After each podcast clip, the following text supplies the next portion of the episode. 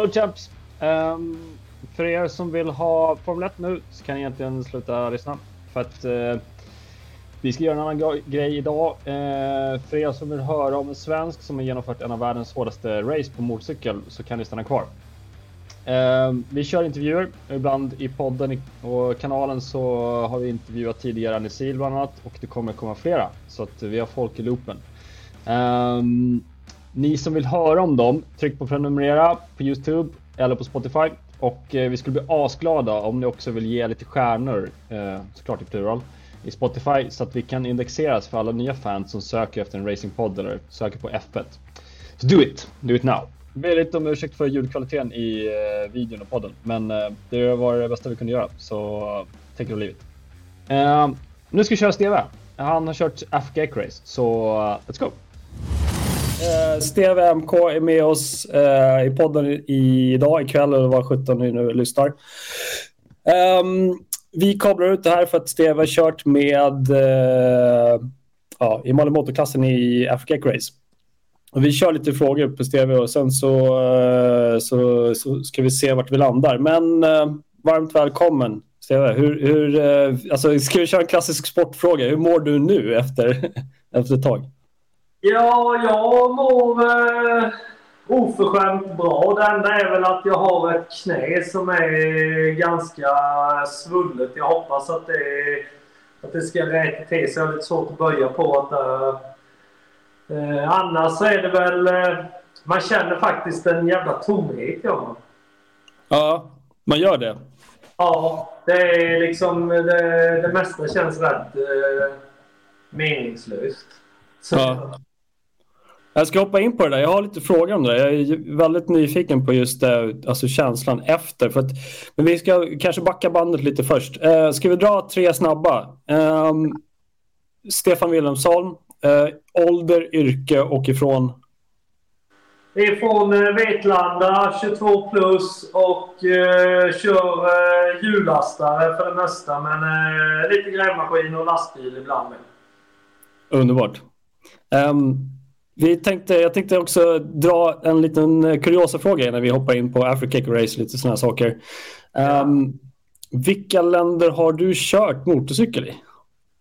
Oh, eh, det är några stycken. De flesta i Europa jag har kört genom 44 länder och sen har jag varit i, oh, borta i Mexiko, USA och sen har jag åt andra hållet så har jag varit i Nepal, Vietnam, Thailand och, och lite runt om sådär. Och sen som sagt var de flesta länderna i Europa. Det fattas väl en två, tre länder där. Annars har jag väl fått med det mesta i Europa än så länge.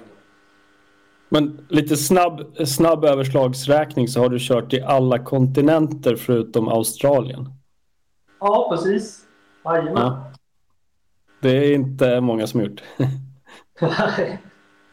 Sen är det, det, det, är mycket folk som kör mycket hoj överallt. Men eh, de hänger på lite speciella sidor och en del eh, de har liksom eh, de har inget internet överhuvudtaget. De skiter i allt sånt. De bara kör hoj liksom.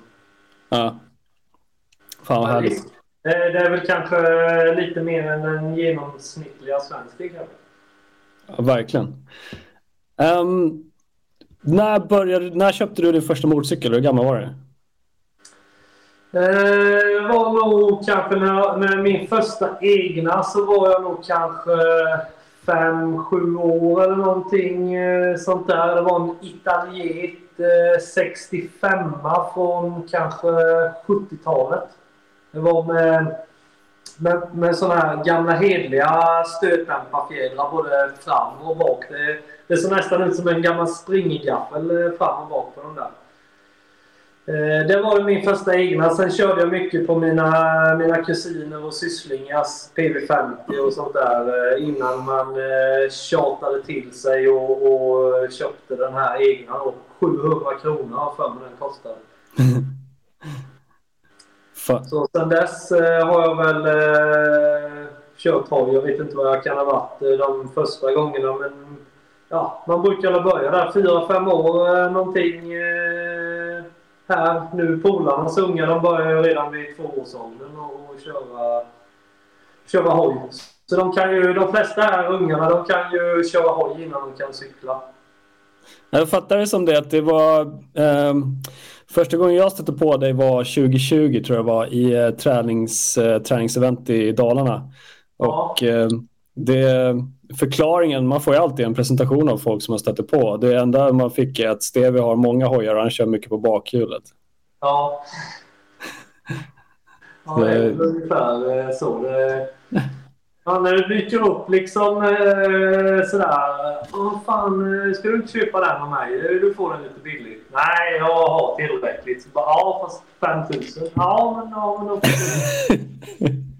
Och sådär. Sen behöver man ju så många hojar till så mycket olika grejer och man är ju insnöad på allt möjligt överallt. Så det, det blir några stycken. Men nu, nu har jag försökt att, att sälja av lite igen. Men sen eh, tillkommer det ju någon igen. Så det går lite upp och ner. Jag var uppe på 15 hojar ett tag där.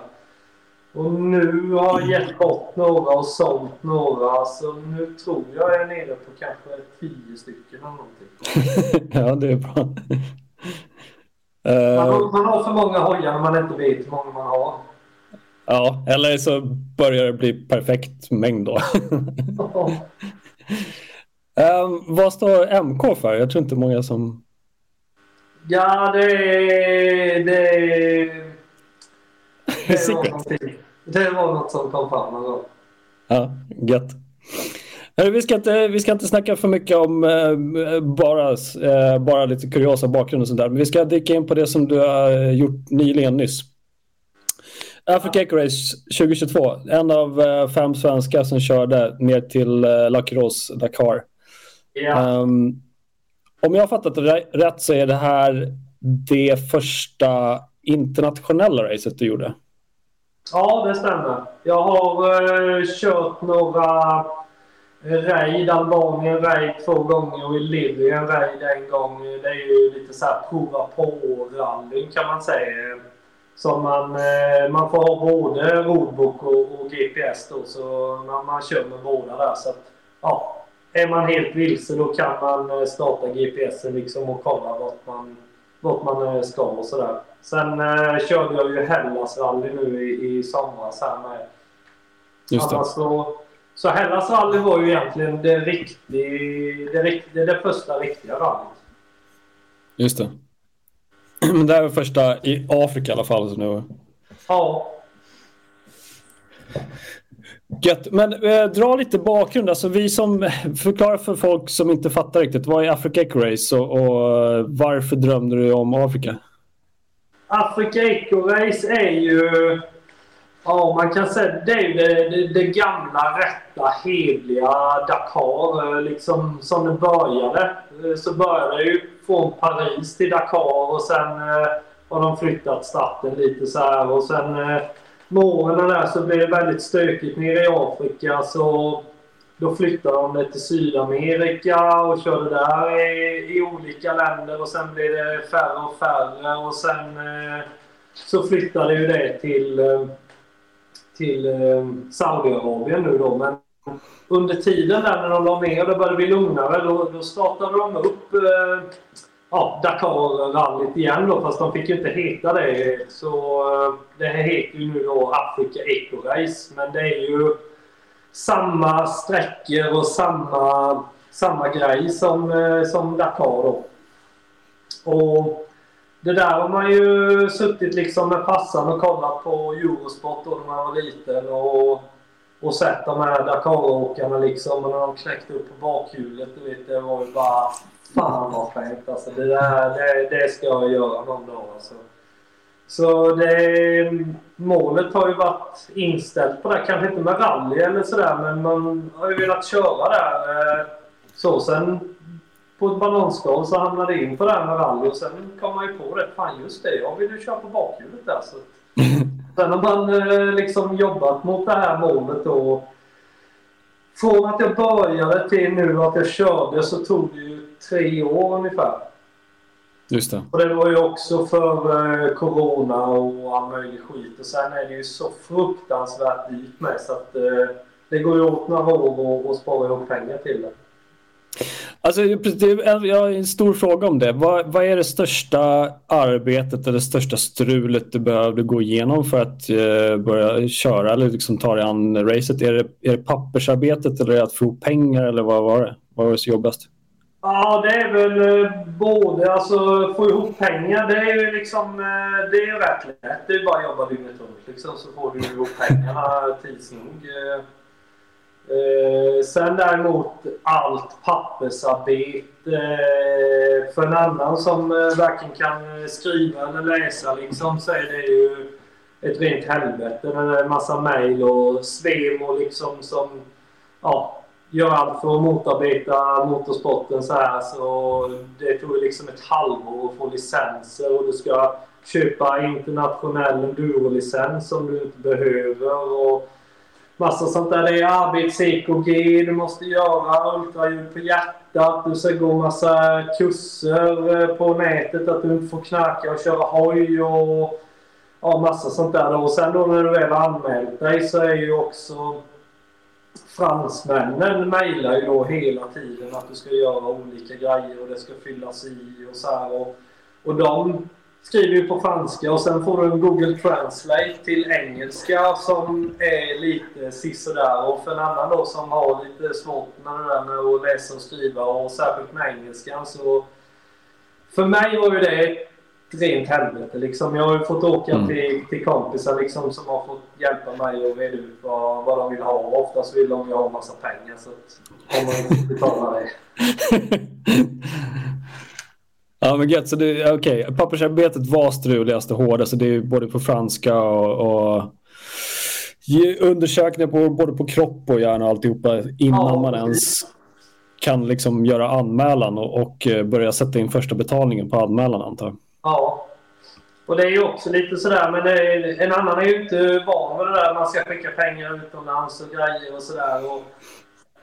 jag har ju ingen dator eller någonting eller vet hur en sån fungerar utan jag gör ju allting på telefonen. Telefonen kan jag ju men det är ju saker och ting som inte går att göra på telefonen så då blir det ju strul för mig. Då måste man åka till någon som har en dator och ja. Men det är ju sådär, ja. det, är ju, det är ju också mycket mitt egna fel att man är en sån jävla bonjävel som, eh, som liksom inte har en dator och inget internet eller något sånt där liksom. Det, Nej, det är skönt.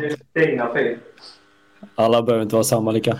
Men när, när var det du fattade att det kommer hända? Liksom? Ja, det, det fattade jag nog direkt när jag... Eh, när jag hade varit hos eh, Per Enoksson. För han hade köpt en rallyhoj och då eh, frågade de om jag fick komma dit och titta på den. Och då tyckte han att jag skulle provköra den. Mm. Och efter eh, en minut på en rallyhoj, då måste man bara ha en sån. och när man har en rallyhoj, då måste man ju använda den. Och då är ju liksom eh, Dakar eller eh, Afrika-race är ju det den ska användas till. Så efter den provkörningen så vet jag att jag måste köpa en sån här och då måste jag köra. Mm. Så det, det, det är lite Pers fel också.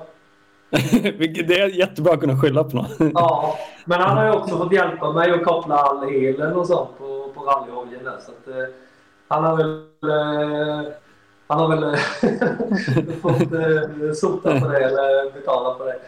Jag får ta ansvar. Gött. ja. Uh, ta oss lite mer till starten. Alltså ni, du uh, körde ju själv ner till starten i, i uh, Frankrike. Ja, det var ju Ja, dels för att jag ville eh, klå eh, Berra Markussons rekord och köra både ner och hem. Men sen också för att jag är så övertaggad eh, när starten går som Hellas.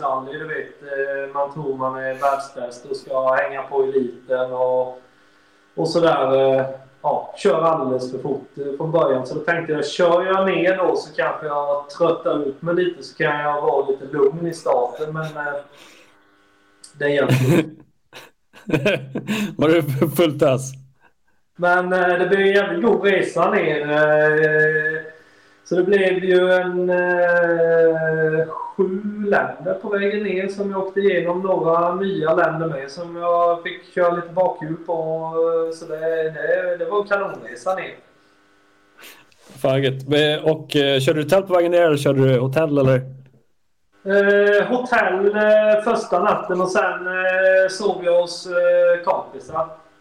Det är ju sådär när man är i motorcykelsvängen så här och man har varit på MC-träffar då. Som i det här fallet så har jag varit på Elefantträffen, en, en vinterträff som är eh, i januari och där har jag träffat massa kompisar där. Så att, eh, när de sa att jag var på väg ner så ja, då var det redan uppdukat liksom med boende och mat och öl och allting varenda kväll eh, på vägen ner. Så.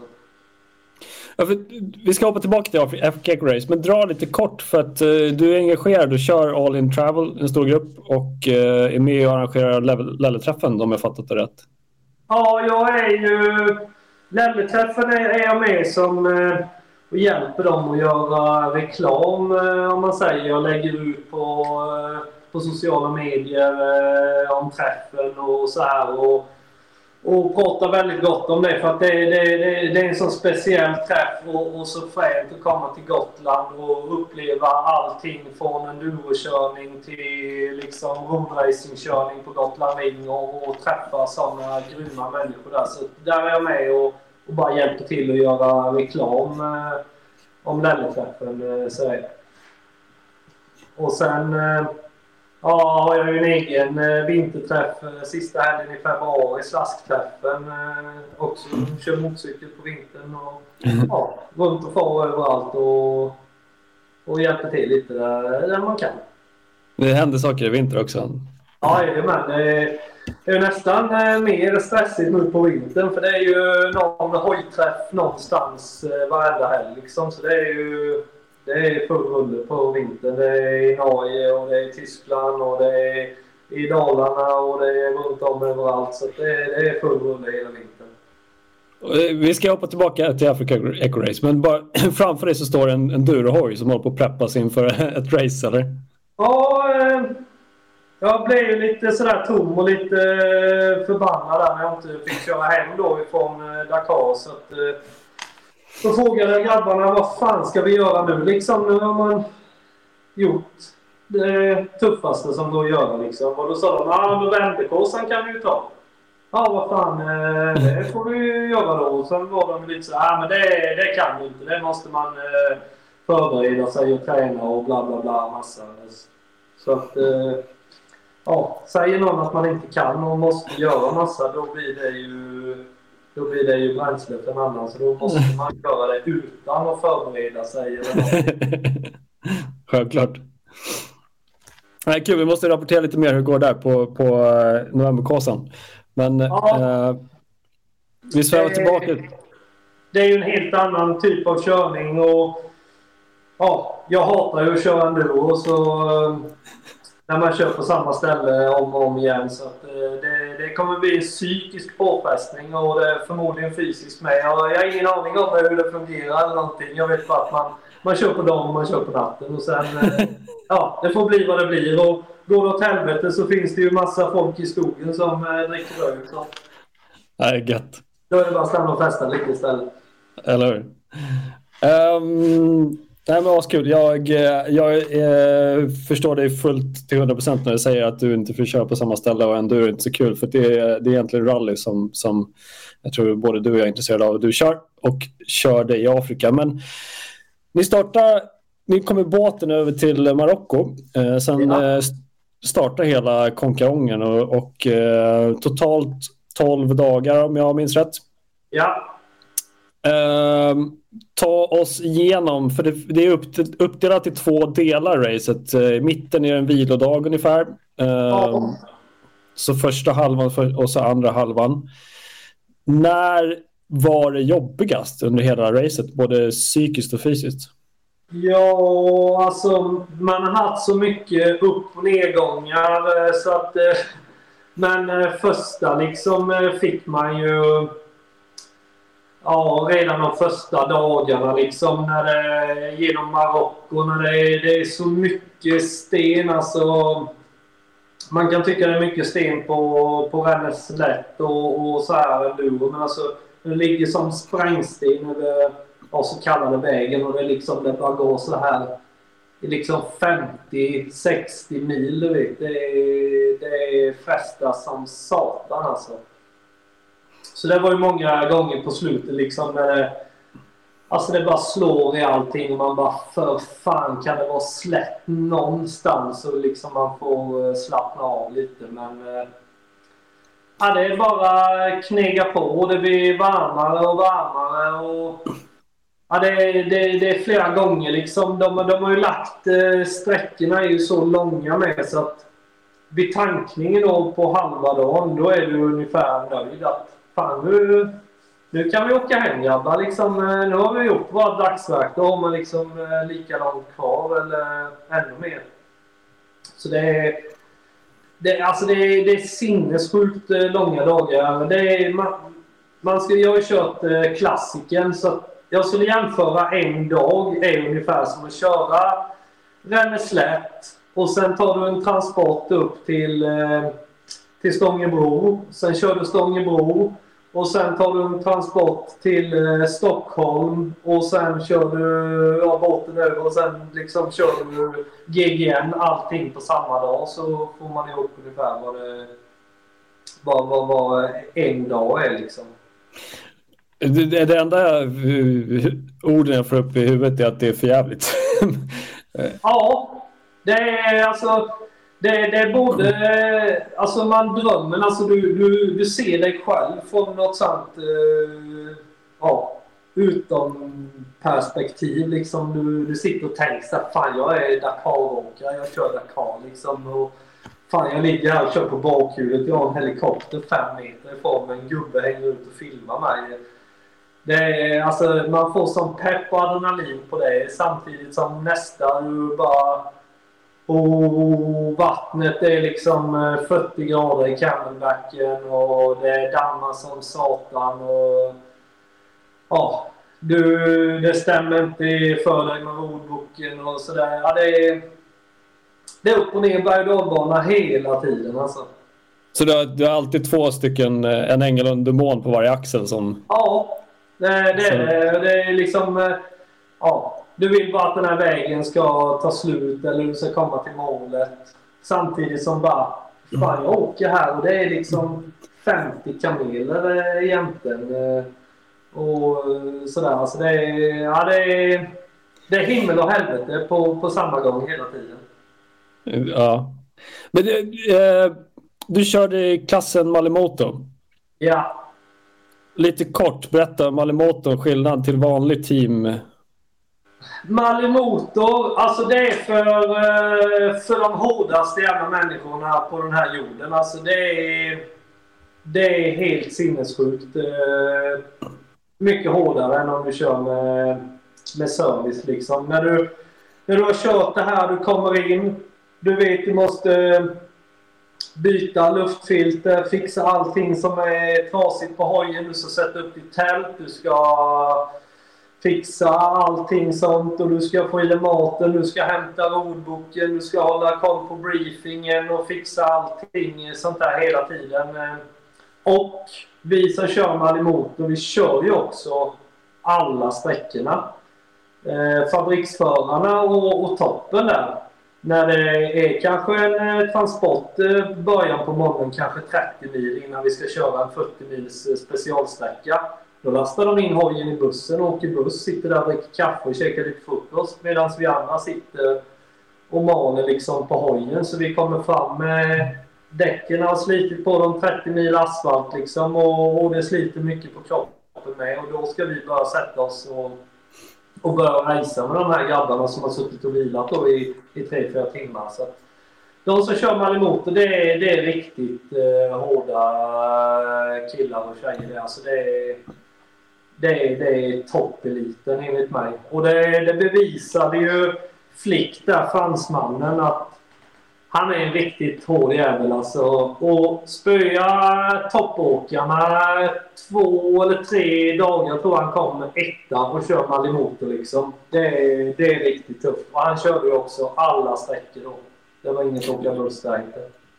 Man skulle kunna egentligen säga att Malimoto är ett eget rally i rallyt. Ja, som eh, tävlar ihop med, med liksom eh, rallyteamen och, och de som eh, ja, har allting förspänt och ligger och sover i en, eh, i en AC liksom inne i en eh, fin husbil. Apropå sömn, du, ni sov ju i tält. Uh, går det att sammanfatta ungefär hur många timmar man snittar i sömn per natt om, ja, i ditt fall då? Ja, i mitt fall så, jag är ju så van vid att sova i tält så att jag har ju inga problem och det är liksom allting går på rutin och packa upp och ner. Eh, nu hade jag ett sånt där rallytält, riktigt jävla pisstält men för mig eh, med, med sova i tält är liksom inga problem. Däremot när du kommer imorgon då så har det varit 50 grader varmt ute och du sätter ner tältet på, på sanden liksom. Som det inte går att gå på. Den kanske är 60-70 grader, jag vet inte sanden. Men det är ju som att sätta tältet på ett element och så ska du försöka sova där eh, på natten och det är svinvarmt. Eh, men ofta är man så slut så att du, du i med ögonpluggarna och sen slocknar du även att de står och varvar en hoj eh, två meter från dig eller känner vinkelslip och någonting sånt där. Det är aldrig tyst i, i bivacken liksom. Det är liv och mm. rörelse hela, hela, hela tiden.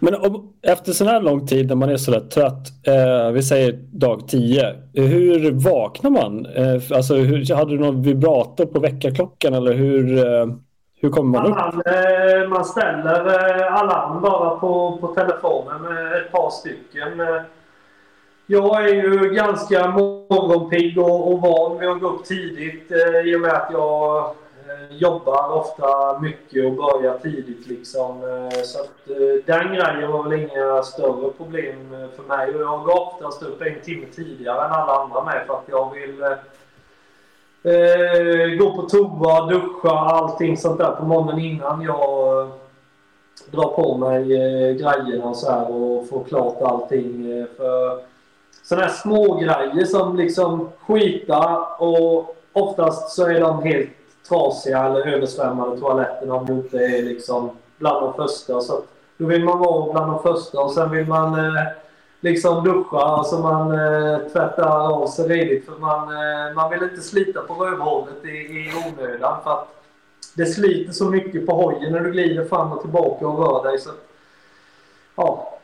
ja. Därför går jag upp lite tidigare och, och, och sådär. Och likadant sömnen. Alltså det är vissa nätter. Jag blev sjuk. Eh, ja, på mitten ungefär där vid vilodagen så blev jag ju förkyld och hade feber och snorade och hostade. Så jag satt upp eh, typ två nätter och bara hostade och snorade. Så då blev det ingen mm. sömn.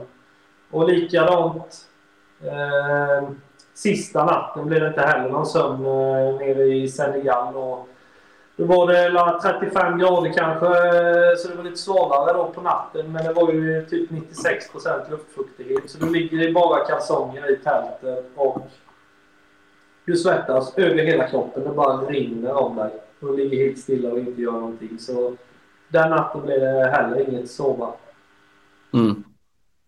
Men... Annars så, så fick jag väl ihop ganska mycket sömn eftersom jag körde en eh, äldre rallyhoj då och fixat till den innan. Så det, det enda jag gjorde egentligen när jag kom in det var att byta luftfiltret. Sen eh, gick jag mest bara runt och rökte och drack öl liksom och, och lallade med de andra. Så det fanns, du hade så pass bra prepp på hoj, på materialet och alltihopa så du kunde ha lite för, ska säga, fritid eller leisure time och kunde komma i säng i bra tid så att du eh, sov tillräckligt mycket så att du kunde gå upp på morgonen och ta en dusch liksom? Ja, precis. Det, det, man hade kunnat gå och lägga sig ännu tidigare. Är bara de kör ju allting så sent för att folk eh, kommer in väldigt sent. En del kommer inte in förrän 12 på natten och senare än det då. Mm. Så, men de har ju briefingen då oftast vid 8 på, på kvällen då. Sen ska du äta. En del dagar då fick vi ju ordboken på kvällen så då ska du sitta med den då och fixa den. Eh, och vissa dagar har jag ju gjort liksom eh, 160 ändringar i ordboken så det, det tog lite tid. Apropå eh, ändringar och tid under dagarna. Hur, eh, sköter man käket för de som inte vet? Eh, ni, käkar, ni får i er frukost på morgonen vid runt 4-5, sen rullar ni ut. Hur får ni i er lunch? Blir det någon lunch? Eller kan du ta en energy bar? Och hur... Eh, Eh, jag kommer fram till en, en sån här klassisk fråga som alla rallyförare egentligen, eller alla som, alla som har kollat på Rally Raid har hört om. Körde du så pass snabbt så var du tvungen att kissa i stöveln? Eh, nej. Eh, ja, man får i sig tillräckligt mycket vätska så man behöver nästan aldrig pissa. Så att, eh, eh, det, det var lugnt. Men hade jag behövt det så då hade jag gjort det. Utan problem. Ja. Eh, jag har försökt att pissa i, i farten. Det försökte jag på Hellas rally men eh, det var inget svårt. Då var det, det, det gick fortare att stanna och pissa. Men eh, som där nere, man drack och man drack. Jag, jag låg väl ungefär på 8-10 liter i, i vätska om dagen och, och man pissade två, tre gånger liksom. Du bara svettades ut eller togs upp av kroppen? Liksom. Ja, och som sagt var maten då. Man får frukost på morgonen. Det är ja, ganska standard utländsk frukost. Det finns liksom inte så mycket. Det är inte som på våra svenska hotellfrukost eller sådär. Men eh, jag gjorde en egen och har alltid pasta på morgonen. Så att jag, jag tog en större skål och sen eh, tog jag allting som fanns och hävde ner i den här skålen. Så pasta och skinka, ost, smör, cornflakes, hela skiten. Och så bara var jag runt det där till en stor jävla sörja till allas eh, förvåning. Som bara sitter och tittar och undrar vad fan han håller på med och sen trycker jag in den där. Sen får man då ett eh, lunchpaket, eh, kallar de det för. En liten påse med en eh, sunkis, någon sån här barnkräm, typ äppelmos eller någon skit. Eller några ölkavar, någon bar, en påse nötter och någon liten sån här inplastad pannkaka. Det är vad du får till att klara dig på på, på hela dagen. Och du stoppar ner i rallyjackan eller? Ja, jag kör allting i eh, fickan här på, på rallyjackan där. Så att, eh, när du kommer till tankningen då är det en neutraliseringszon där. Så då stannar de ju tidtagningen i 15 minuter. Så då ska du hinna tanka, slänga i dig det där och sen fylla på camelbacken då i med tre liter nytt vatten och sen eh, ska du iväg igen då helst innan de här 15 minuterna har gått. Coolt. Um, en sak som vi såg i Africa Race i år var ju, vi var ju, det var ju fem stycken uh, svenskar som körde. Uh, en av uh, oss svenskar som tyvärr uh, pajade hojen på grund av en vurpa. Eh, hur gick det för dig? Vurpade någon gång så att det var liksom okontrollerat eller var det mest sanddyner som man la sig ner eller var det någon gång det blev lite sketchy? Ja, och redan första dagen. Eh, eftersom av någon anledning så fick jag starta eh, så långt fram. Så jag startade jag bland topp 10 där någonstans.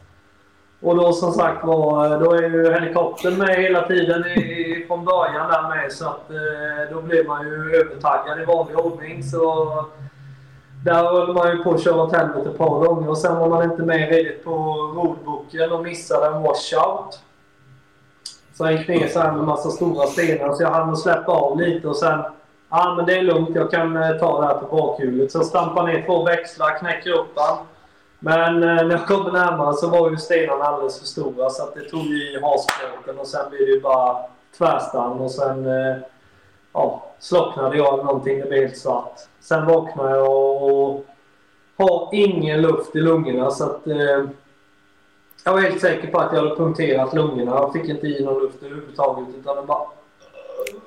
Och kändes som det gick liksom fem minuter eh, innan jag fick i första andetaget. Men då, då var man säker på att ja, fan, skit också, nu dog jag. Men sen fick man i första andetaget och sen bara... Och sen är det bara upp med hojen och bunka till lite det som har blivit snett och sen börjar man att köra igen och så kör man lite lugnt ungefär en timme eller någonting och sen är man på att igen full gas. Åh jäklar, det här är ju... Ett par eh, sådana grejer. Sanddynerna hade jag inga, inga direkt problem eh, så jag inte hade utan det var... Ja. kommer knappt ihåg, men eh, någon gång eller två om dagen ungefär eh, kraschar man ju lite rejält. Så det, är, det är helt normalt liksom. Så om för, för nybörjare, berätta hur många gånger är man över styret eller lägger hojen per dag? Ja, alltså är du, är du färsking, helt nybörjare, så kanske du är 10-20 gånger om dagen om det, om det räcker. Liksom. Mm. Det är... Som är ganska rutinerad och inte brukar trilla så mycket så ja, en, två gånger om dagen eh, mm. ligger man nog på. Så det är för de som är också kämpar och kör det här som ett äventyr och kanske inte har den fysiken som du har eller eh, lite, är lite äldre, de har ju extra kämpigt för att eh, de hamnar i den spiralen att det tar energi att ta upp hojen och man kör lite annorlunda etc. Ja, fysiken har ju, visst det, det, det gör jättemycket men eh, det är bättre med, med erfarenhet och körteknik än en bra fysik. Mm. Jag menar, du har, du har gubbar liksom som eh, väger 150 kilo och, och man undrar liksom bara hur ska han klara det här? Och, ja, de ligger liksom topp 10. De har, de mm. har erfarenheten och de har, eh, har liksom eh, skickligheten och vet, läser terrängen och, och det här hela tiden. Så att, man har liksom ingenting att, säga till med, med en sån som har eh, erfarenhet och, och kan läsa terrängen. Även om du är liksom elittränad så är du, är du inte tränad på hojen så, så spelar det ingen roll hur mycket fysik du har. Jag märker ju det med mina kompisar som eh, är liksom eh, ja, elittränade. De tränar sex dagar i veckan, har världens kondis och vi hinner knappt börja köra förrän de börjar flåsa. Och en mm. annan liksom, eh, ja, röker och gör ingenting. Och, ja. Men det är att man är, man är så lat så att man har, man har lärt sig eh, använda hojen. Liksom det är, är 50-70 hästar i dem. Jag låter dem arbeta så slipper jag och ta i och slita och dra och grejer. Jag låter hojen göra, göra arbetet liksom. Nej, det, från mitt, mitt yrke, jag jobbar ju på kontor och datorn och då brukar vi alltid säga att datorer ska göra det som eh, datorer kan göra och människor ska göra det som människor kan göra och inte vice versa. Men vad heter det, mm, var det, när du smällde i där första dagen, var, blev du rädd någon gång eh, under hela racet? Var det då? Eller? Ah, rädd vet jag inte. Jag har nog inte den riktigt den eh spärren eller grejen eller någonting. Utan jag är, är ju mer att jag, jag söker ju eh, döden eller på gränsen hela tiden. Jag vill ju ligga där liksom att fan, händer någonting nu då är jag borta.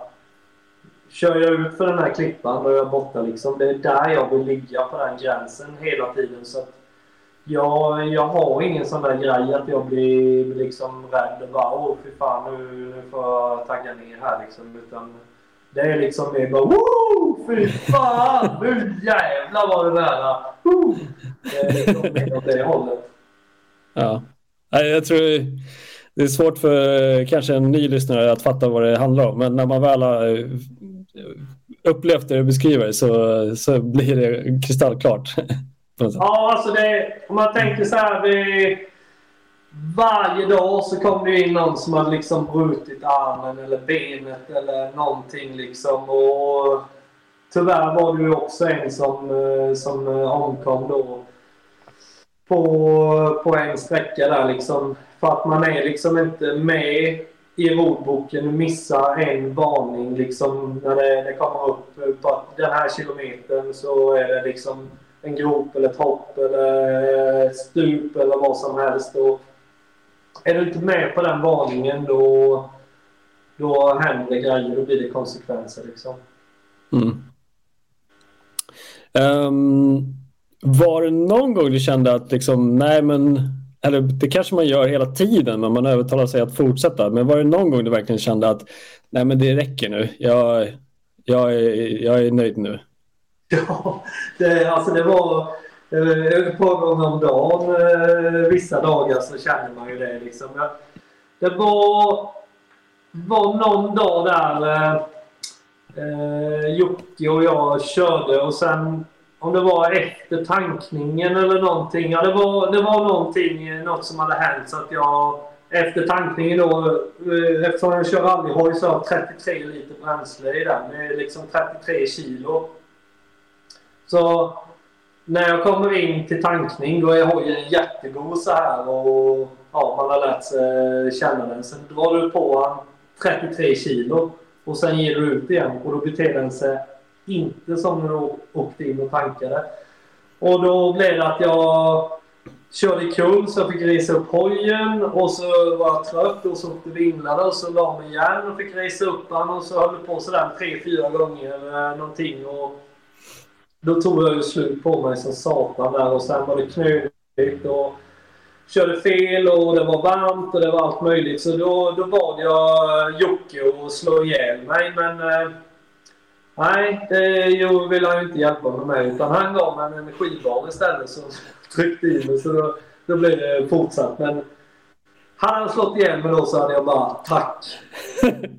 liksom, då, då, ja, då var man riktigt eh, trött på allt det det, men det, det, det, så det behövs att man Eh, det, eller vad ska, vad ska, man säga? Det eh, förklarar, det är ganska normalt att man ibland kör i par och liksom är med och kollar i navigering och motiverar varandra och sådär. Så du, du, du hade Jocke Hultqvist som kunde ta hjälp? Ja, det blev ju så att jag, jag körde ju som fan då eh, första dagarna, du vet. Och, eh, Ja, jag var inte med på rodboken och det, det var ingenting som eh, lirade där. Och det var ju också... När jag satt och gjorde eh, ändringarna i noterna där så, så gjorde jag de ändringarna på fel ställe. Så det var också att det liksom inte lirade för mig. Och då, efter fick jag ju starta långt bak eftersom jag hade kommit in sent och fått dålig tid. Så då blev det att jag kom ifatt Jocke och sen eh, ja, då hängde jag på honom och sen eh, tyckte jag det att fan han åker ju så jävla fint eh, Jocke liksom och han sätter noterna så och jag vill ju liksom inte sätta någon placering utan jag ska sätta mina bakhjulsåkning och jag ska ta mig till Dakar liksom. Så då, då, då la jag mig och åkte ihop med Jocke och sen la jag med på roadbooken hela tiden. Så kanske, ja, två, tre, fyra gånger om dagen där så eh, när Jocke var lite trött liksom och, och missade någonting i navigeringen så eh, drog jag ett varvstopp bara och sen åh, för fan vi ska häråt. För det är lite så här att 90% av ordboken fattar jag ingenting av. Men där alla kör fel och inte fattar, där är det helt glasklart för mig att liksom, ja men det är ju vänster här 170 grader. Det, det står ju här i ordboken, det är ju jätteenkelt. Så, så det, det funkar ju väldigt bra när eh, Jocke sätter noterna hela tiden. Sen när de flesta har kört vilse och är helt lost, då, då, liksom, då, då hittar jag. Och, och likadant Jocke hittade också på, på många sådana ställen. Så vi var ju i fatt och nosade på eliten med liksom bara sätta rätt noter hela tiden. Mm. Och sen blir det ju också lite, det, det, det blir lite så du kan slappna av. Och han ligger och, och, och drar lite så kan du ligga där bak och sen eh, likadant kan jag pusha Jocke lite när det är öppet så här och han, han kanske ligger lite, vi, bara, vi kan öka 10 kilometer här nu så eh, man hjälps åt så. Så det, det, det, det är väldigt vanligt att man, att man ligger eh, sådär. För att oftast så är det de, de som kör riktigt bra navigerar inte riktigt bra och, och tvärtom. Ja.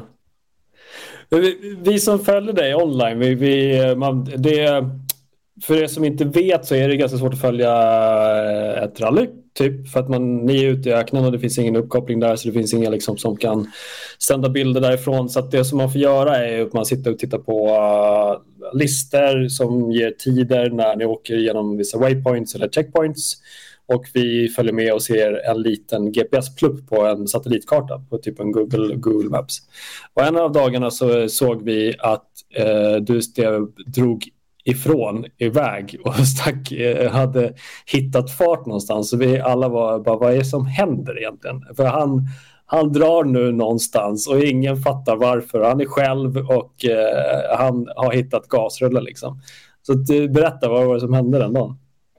Ja, eh, eftersom eh, briefingen är på franska det mesta. De eh, blandar som fan på franska och säger allt möjligt. Och sen när det är på engelska då så säger de att “Tomorrow Stony, Sandy and very good”. Ja, så då kände jag mig såhär, jag skiter i den där jävla briefingen. Så jag gick inte på den. Där sa de att man skulle då tanka i bivacken på kvällen för att det finns ingen bensin i hela Mauretanien att få tag i.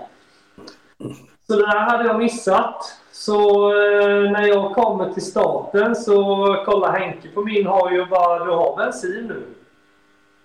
Nej, men det finns ju bara några kilometer här fram, stod det i ordboken. Nej, det finns ingen bensin i hela Mauritanien. Du måste tillbaka till bivacken och försöka hitta bensin.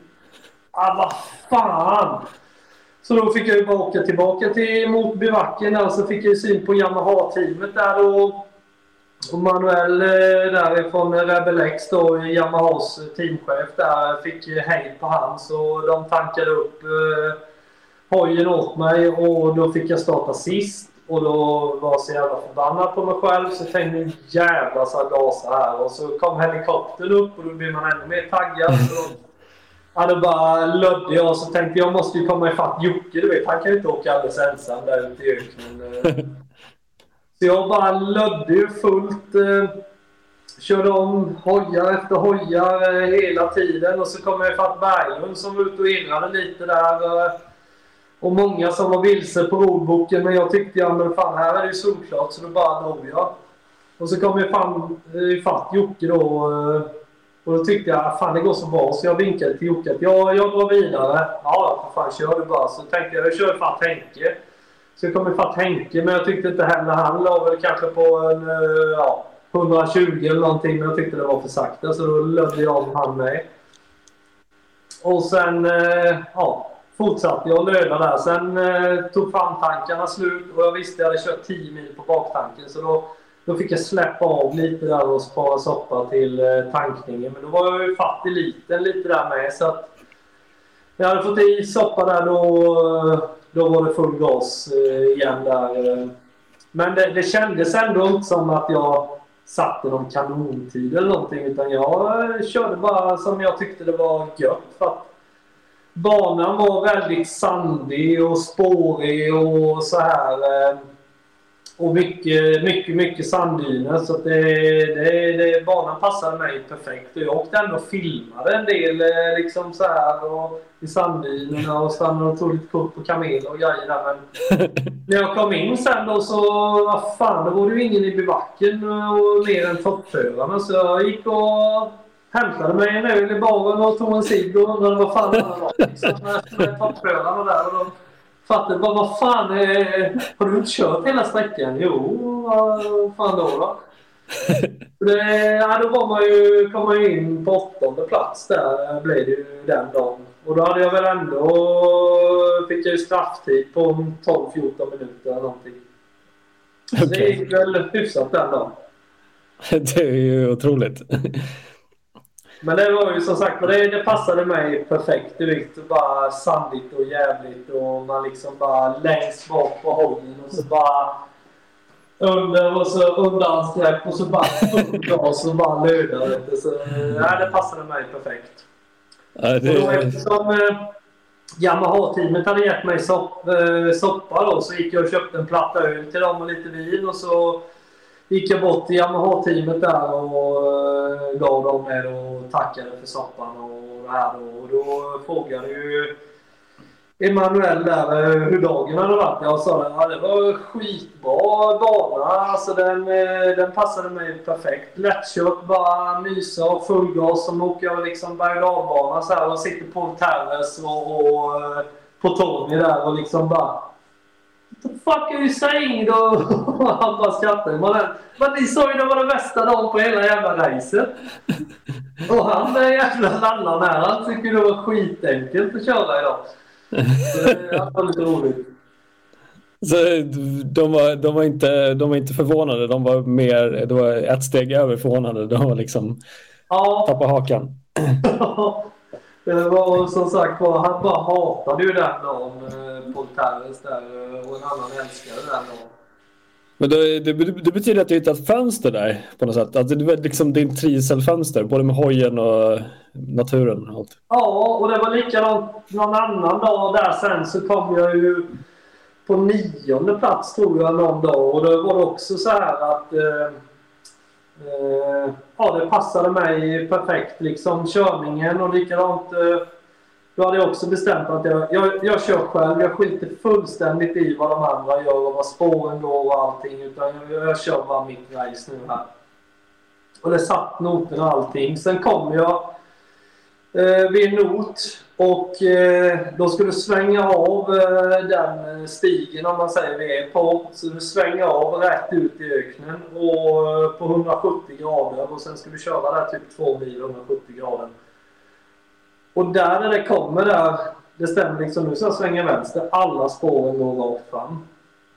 Och då bara, satan har jag läst fel? Nej.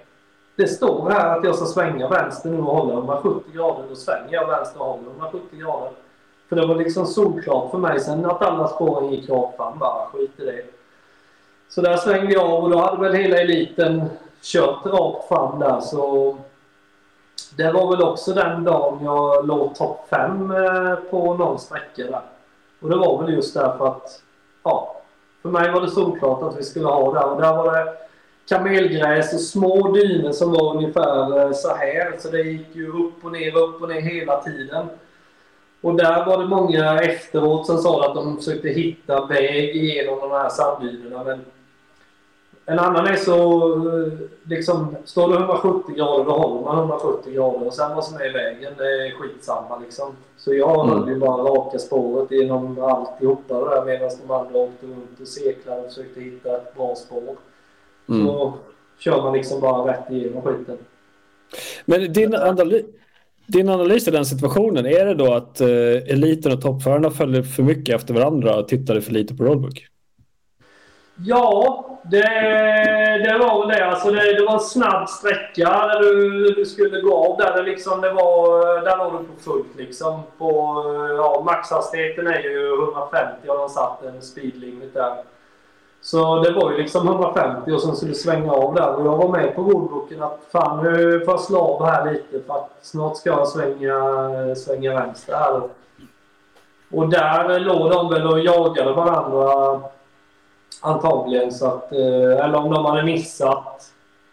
Ja, någonting hade blivit galen i alla fall. Men eh, då, ja, då litade jag på mig själv och, och körde efter eget huvud. Och, och det var ju helt rätt. Mm. Ja, grymt. Uh, vi kan nog fortsätta många timmar. Jag ska börja dra, dra mig in mot de, eh, de, eh, de, sista frågorna jag har kvar. Men, um, kan du beskriva idag lite enklare vad det betydde egentligen att komma upp på podiet i lacrosse? Ja, det är ju... Alltså det är, det är, det är så grymt när man, eh, när man eh, står där på, på stranden och kör sista specialsträckan och, och kommer upp på podiet och man har klarat det. Precis innan när jag hade kommit i mål liksom så, så Eh, skulle jag bara filma till Youtube liksom och så här bara ah, fan har man kommit i mål där och ska liksom ja, snacka lite hur det känns och sådär.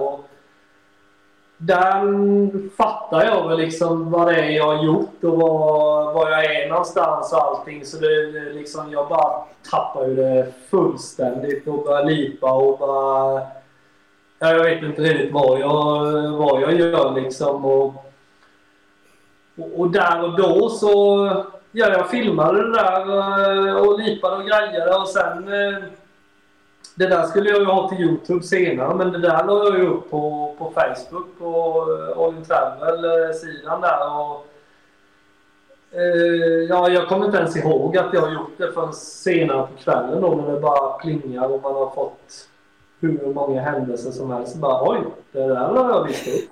Och, eh, Ja, då, då, då, liksom, då tittar jag själv på filmen och ser mig själv. Eh, liksom då, det blir så mycket känslor så börjar man att lipa igen. Och Sen är jag redan 500-600 kommentarer liksom. Alla bara för fan vad bra du är, för fan vad grymt och så här. Så då bara lipar man igen. Då.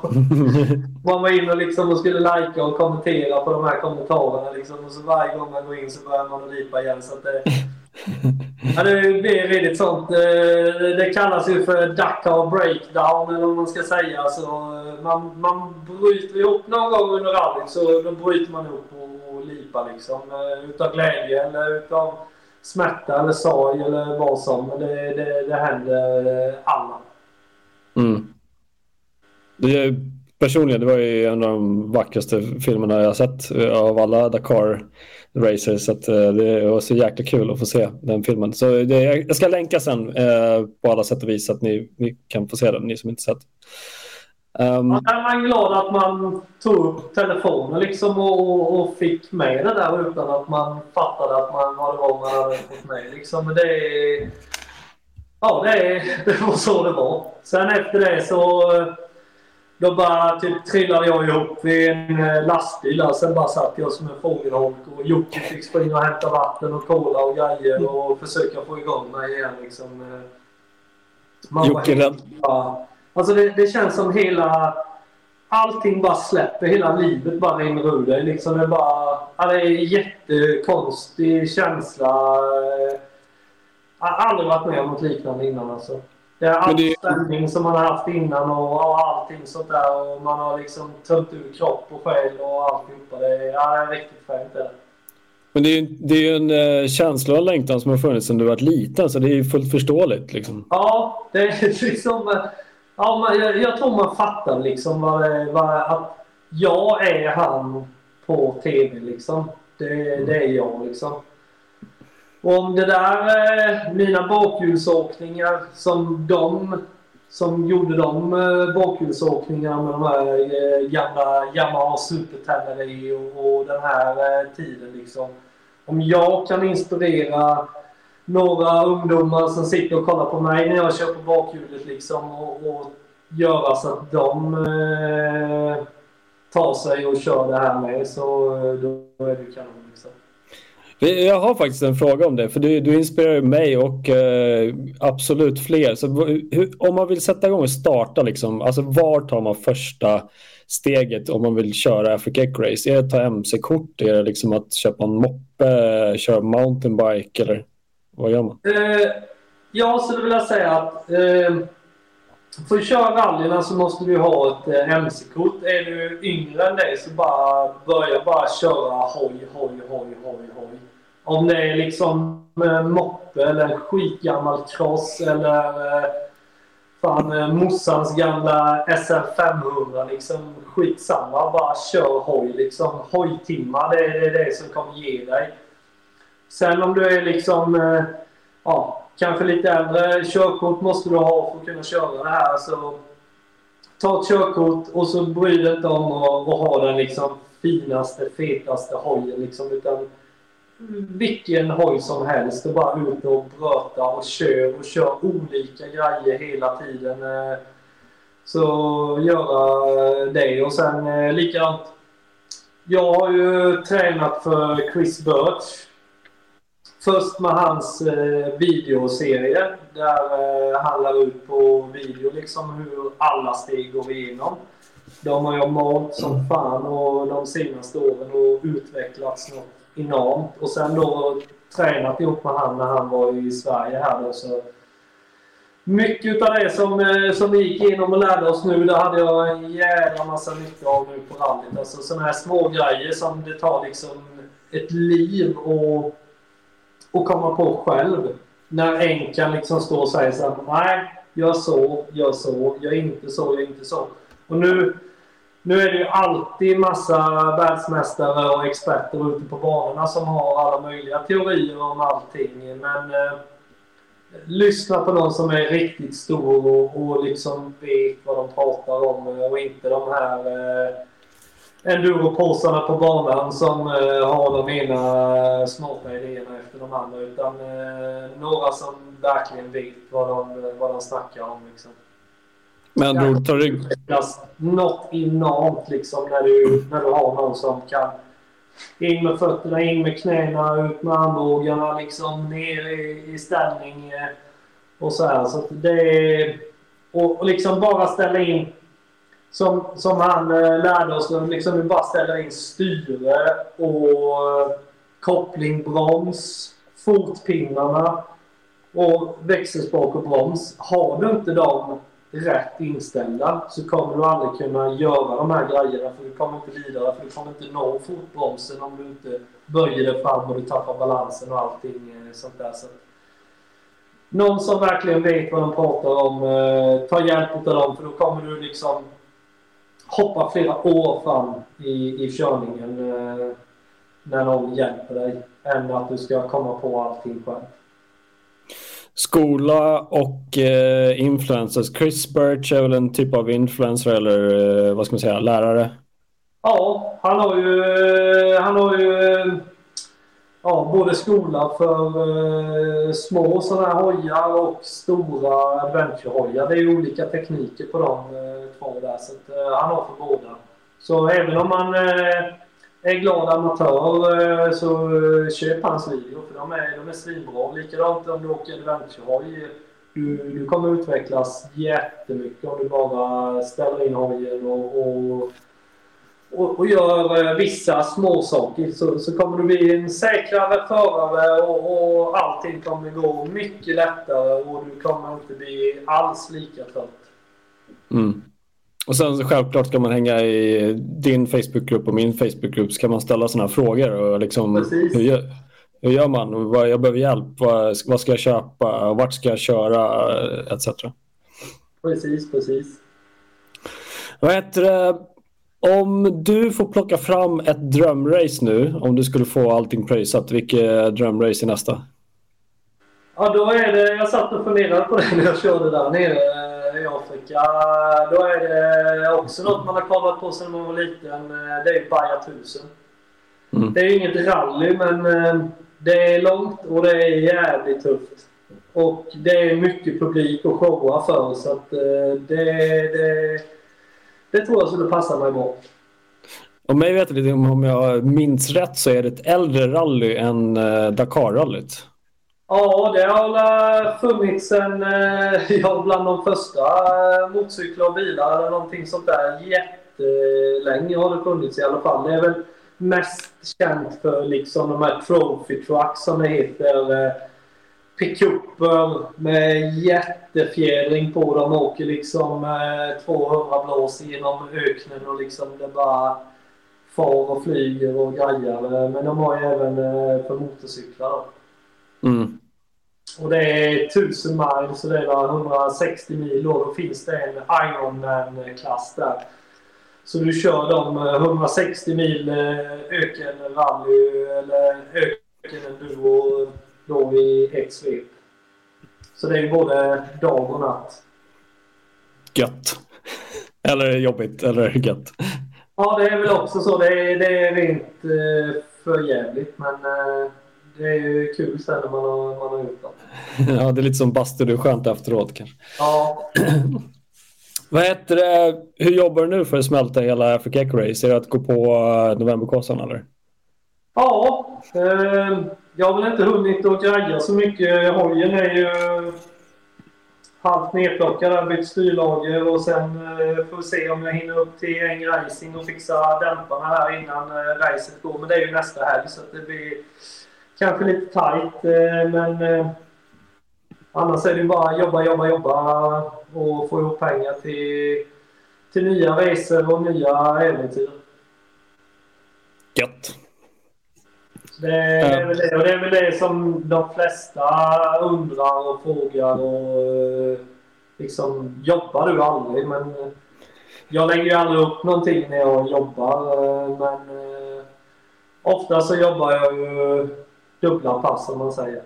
Det blir mycket. Okay. Och på vintern nu är det ju krossa berg och sen är det ju snöjour och saltjour. Då kör man ju mycket på nätterna med och mycket på helger och sånt där. Så att jag, jag får ihop väldigt mycket timmar. Och sen försöker jag ju alltid att när jag åker iväg på mina resor att jag lägger dem i samband med eh, helgdagar och sånt där. Så att du du tar ledigt några dagar och sen eh, ja, använder du de här helgdagarna så kan du vara borta i några veckor och lite sådär. Gött. Det är all, allt, all tid som man inte ser någonting av motorcyklar betyder att du jobbar med dem. Ja, precis. är det bra? Det är liksom jag... Ja, det är många som, som tycker det är roligt men alltså fan lägg ut när jag kör hjullastare. Det, ja, ah, det, jag vill inte titta på det så att då lägger jag inte ut någon. Slipper folk att titta på när jag, när jag jobbar. Nej, man lägger inte ut uh, sitt tangentbord heller när man sitter på kontoret. Nej, precis.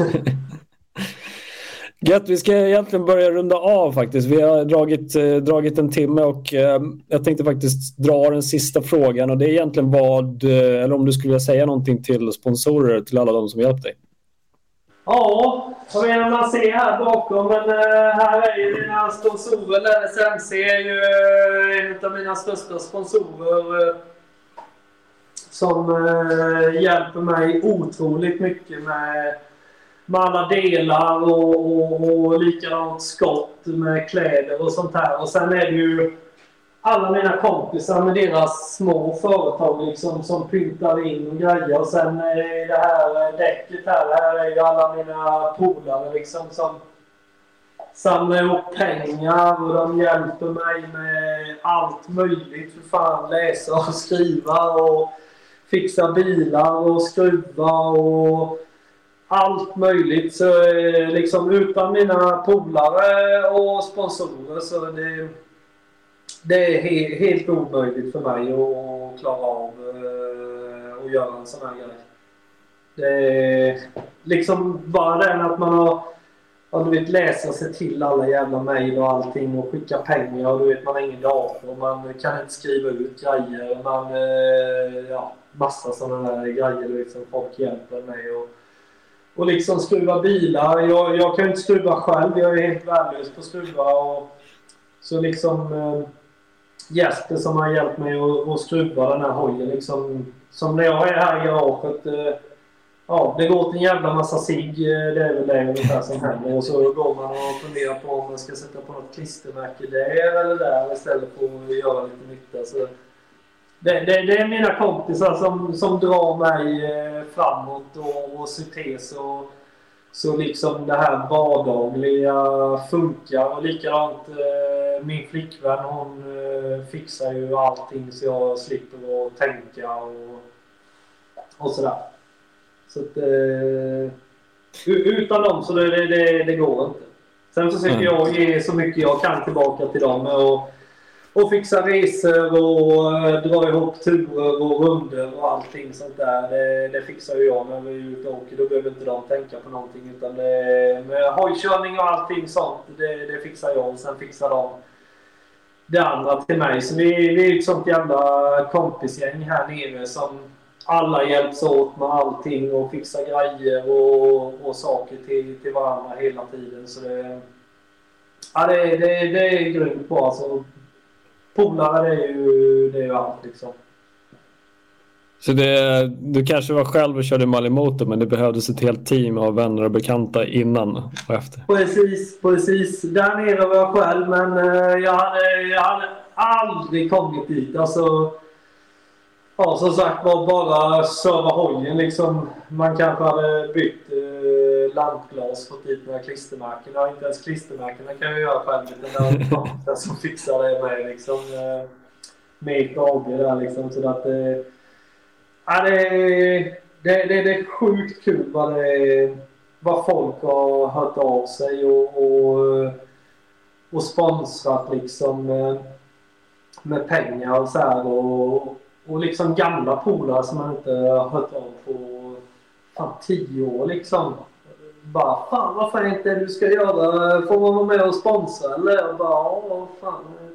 Och det, var, det, det är också så här svårt och jag höll ju mig gärna in i det sista när jag märkte att fan det kommer inte gå det här. Jag måste få in några kronor till om det här ska uh, gå i hamn. Jag måste ju tanka och lite och kanske någon bit mat och lite ta sig dit. Så då, då frågade man ju liksom lite sådär om det var någon som ville sponsra. Sådär. Men det, det känns så konstigt bara.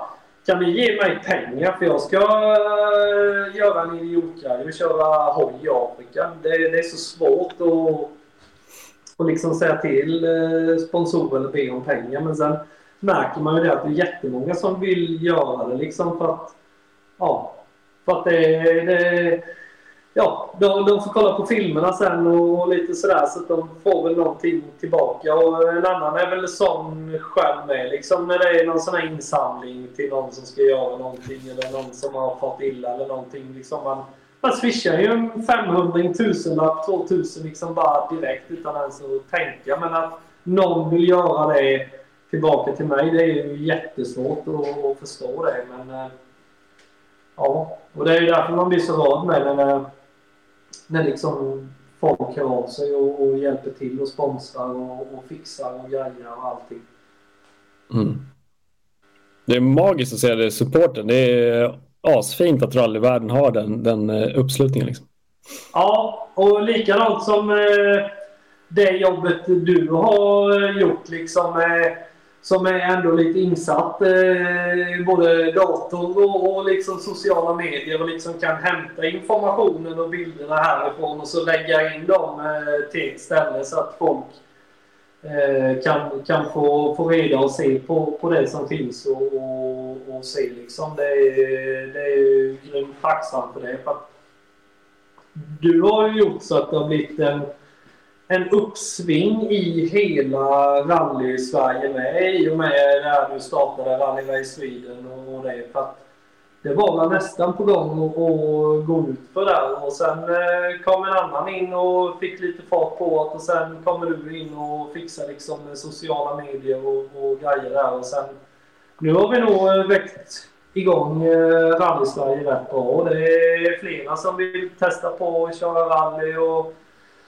och, och testa på att åka på mindre rallyn och så här och höra av sig och fråga och grejer och det. Så, ja, det, är, det, det är riktigt kul. Det, det är askul. Och jag blir glad att du säger det och det, det är jättekul att liksom bara få, få vara med och bidra till communityt. Det är askul och jag tror, jag såg senast idag att det händer saker på grupperna på sociala medier som talar för att 2023 kommer bli ännu mer aktivt. Så att, eh, det är ju askul att kunna att pusha ut podden och eh, ja, nu kommer vi in på det. Jättetack för att eh, du vill vara med och liksom, eh, ta en intervju och snacka om det du har gjort så att vi lyfter fram din prestation och hela rallycommunityt Det är askul. Ja, ja det, är, det är fan, folk behöver något att, att tänka på och se fram emot. Och det, det, det, är kul med förberedelse och grejer så här med. Och det finns ju så många rallyn. Alltså det är ju eh, nästan eh, var och varannan helg så finns det ju något rally någonstans. Och ner på kontinenten liksom. Det börjar i Polen och sen är det ju hela vägen ner till Grekland, Turkiet, Rumänien och ja, alla håll och kanter så finns det ju rally. Men det, det, finns ju också på, på nära håll och det finns olika svårighetsgrader och det finns testa på och det finns allting. Så det, det, det, det är en jädra upplevelse och det här folket man träffar på rallyna de blir man ju liksom bästa polare med på fem minuter liksom. Mm. Så det, ja, det är skithäftigt. Och det är ju så de kommer hit och kör och jag åker till dem eh, och kör här. Jag ska till Egypten och köra hoj vid pyramiderna där. Eh, kompisar träffade på Hellas rally. Man ska till Japan ska köra hoj där med de japanska Malimotor-grabbarna där som var med nu på Eco-race. Ja, det är skitfränt. Man, som sagt man blir bästa polare på fem minuter. Ja, det, är, det är underbart community. Vi, vi skulle kunna egentligen, eh, jag har massa stories där också apropå att beskriva hur välkomnande communityt är. Men eh, dels på grund av dig och andra människor. Men vi kan dra en till podd på det någon gång. Vi, vi kan runda av lite faktiskt. Ja. Hat, hats off till din prestation. Eh, otroligt kul att följa med dig. Eh, jätte, jättetacksam för att du var med i podden och snackade lite om vad som hänt. Jajamän. Tusen tack för att jag fick vara med. Tack så mycket Steve. Vi ses Ja. Ha det gött! Hej! Tja!